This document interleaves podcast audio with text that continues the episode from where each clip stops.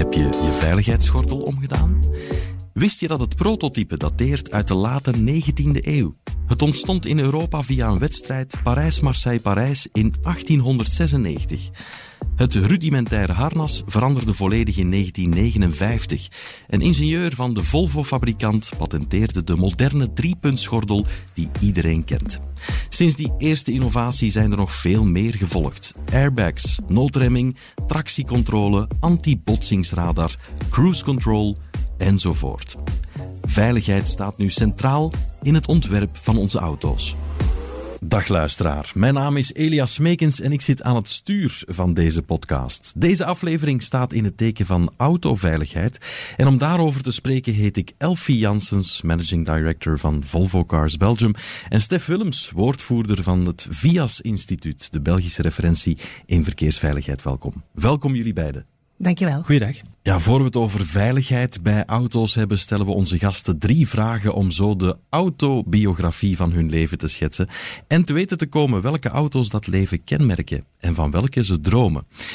Elfie Janssens, wat was jouw allereerste auto? Wel, uh, ik heb in mijn studentenjaren uh, gereden met een uh, oranje geitje. Is het waar? Ja, ik heb ze leren rijden met een oranje geitje. ik heb daar lang mee gereden. Um, en dat ging, ja, dat ging goed eigenlijk. Um, dat was een andere auto dan de auto waar ik nu ja, mee rijd, ja, uiteraard. Ja. Heimwee naar die tijd? Nostalgie? Niet, niet, echt, nee, want ik had altijd moeite met de raampjes open doen. dat zal wel, dat zal wel. Vandaag rijd je met een XC60. Oké. En wat zou jouw droomauto zijn, Elfie? Um, wel, ik kom net terug van uh, Zweden en ik heb daar een mooie range van de toekomst gezien. En ik kan daar eigenlijk niet echt één voorkeur uit kiezen. Uh, ik vond ze allemaal prachtig en uh, um, ja, was, ze hadden alle vier een wauw-factor. Dus eentje daaruit kiezen kan, was echt heel moeilijk. Okay. Er was één, één, één bij die misschien mijn voorkeur heeft, maar ja, ik mag eigenlijk nog niks zeggen. Nee, maar het was een blik in de toekomst. Daar. Yes. Ja. Geweldig. Ja. Stef Willems, dezelfde vraag aan jou. Wat was jouw eerste auto? Een beetje de opvolger van, uh, van het geitje, een Citroën Saxo. Oké. Okay, ja. ja. Ja, ik had die van thuis uit meegekregen toen ik mijn eerste job had. Je moet weten, ik ben, uh, mensen zien dat natuurlijk niet, maar ik ben een meter 92, dus dat was best wel een raar zicht, want ik zat met mijn hoofd helemaal tegen het dak. Uh, maar die wagen deed het prima, dat was uh, ideaal op dat moment in mijn leven. Dus dat was een, een, fijne wagen om mee rond te rijden. En er, er zat een radio in, ook altijd belangrijk. Belangrijk, ja, absoluut. En die is verkocht met zo'n beeld van boven in het dak. Ja, er zat, er zat wel een bloeds in. Ja, met welke auto rijdt je vandaag? Ik rijd ook met een Volvo XC60, een, een hele mooie uh, wagen. Ideaal, want ik heb twee uh, jonge kinderen, dus uh, dat is een prima wagen om bijvoorbeeld eens een uitstapje te doen. er is voldoende kofferruimte ook. En het is, hij rijdt vooral heel rustig. Hij nodigt niet uit om te hard te rijden en dat vind ik wel prettig.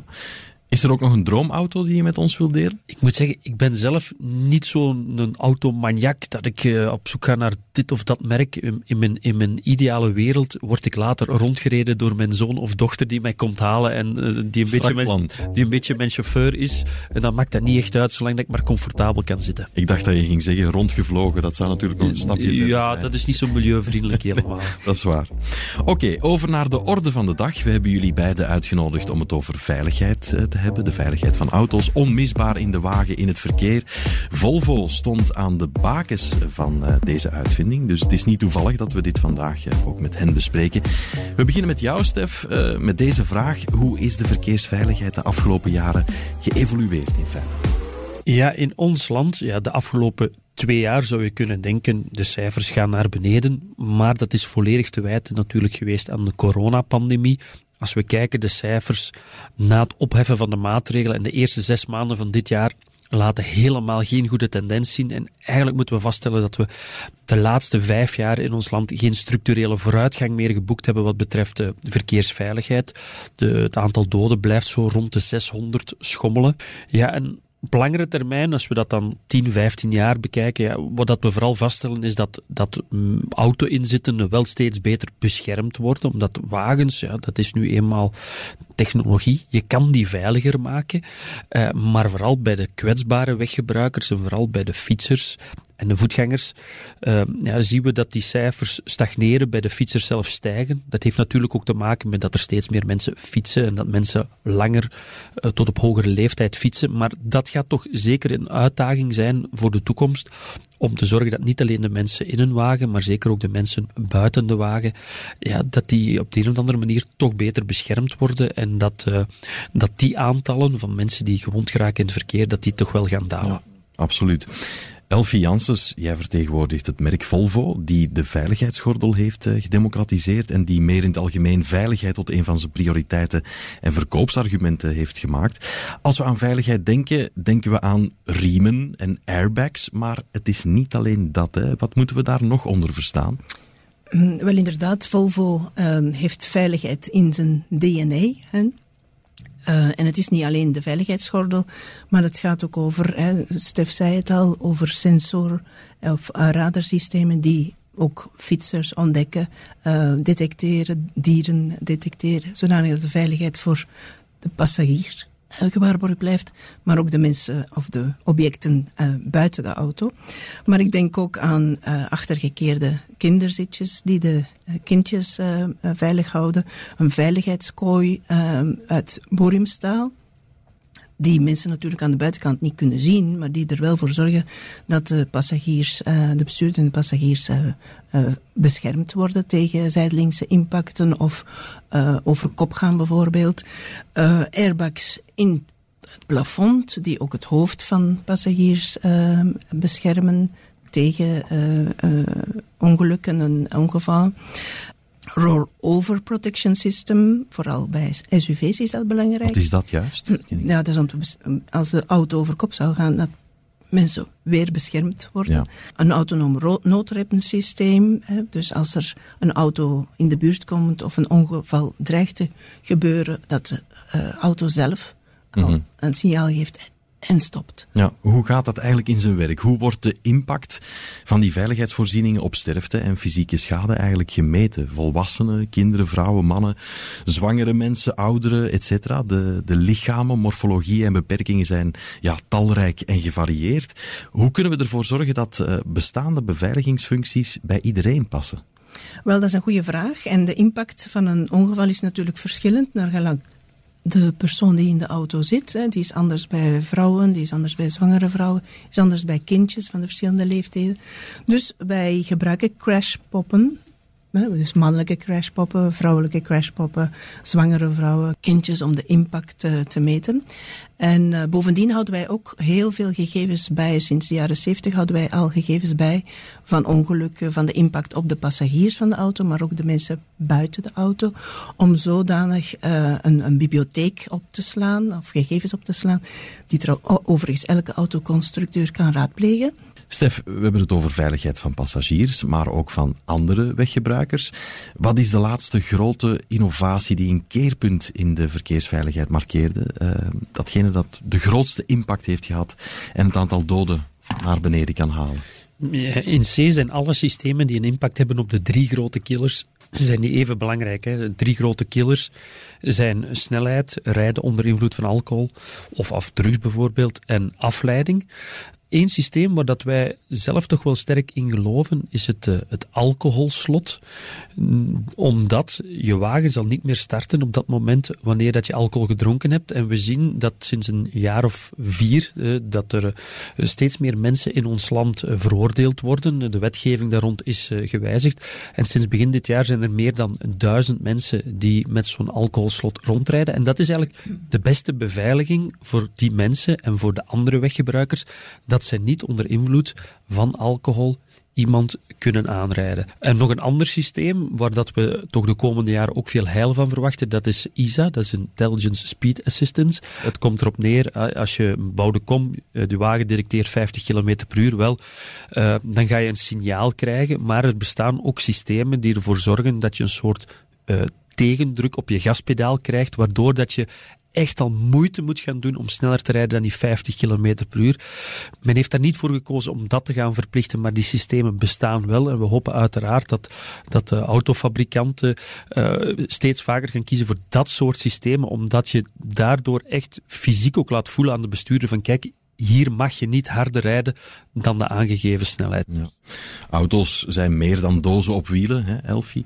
Het ontwerp, de gebruikte materialen, de zorg die in de constructie is besteed, dit zijn ook belangrijke details om de veiligheid van de passagiers te waarborgen. Hoe kunnen we dat detecteren?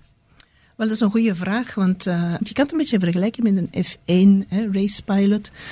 Je merkt eigenlijk pas dat het je zo goed beschermt als er iets ernstigs gebeurt. Hè? Um, Helaas wel. Maar in de toekomst zullen wij nog wel meer en meer gaan investeren. Of we zijn bezig daarmee. We zullen uh, nieuwe dingen op de markt brengen. Waardoor je dat wel zal zien dat het een veilige auto is. In de auto-industrie heersen er veel clichés. En in het volgende luik van deze podcast tackelen we enkele clichés en stel ik telkens een mythe voor die jullie beiden zullen bevestigen of ontkrachten. Ik vuur hem zo meteen op jullie af en dan hebben jullie, Elfie en Stef, drie minuten om die mythe te bestendigen of te verwerpen. Zijn jullie er klaar voor? Absoluut. Oké. Ja, we zijn al begonnen met het ophelderen van het onderwerp, maar wat denken we? Anti-botsing, ABS en andere technische innovaties zijn deze nuttig? Kan technologie echt onze onoplettendheden compenseren? Wat denken jullie? Wel, vandaag niet, maar ik verwacht het in de toekomst wel. Dat is ruim binnen de drie minuten, Stef? Ja, in principe is technologie efficiënter dan een mens. Want ik heb nog nooit geweten dat een wagen van zichzelf in slaap valt. Of dat hij gedronken heeft. Of dat hij zegt van ik ga nu eens even rondrijden en op mijn gsm kijken. Dat doet een wagen niet. Wat denk ik zeker een uitdaging gaat zijn voor de komende jaren. Men steekt heel veel technologie in de wagens.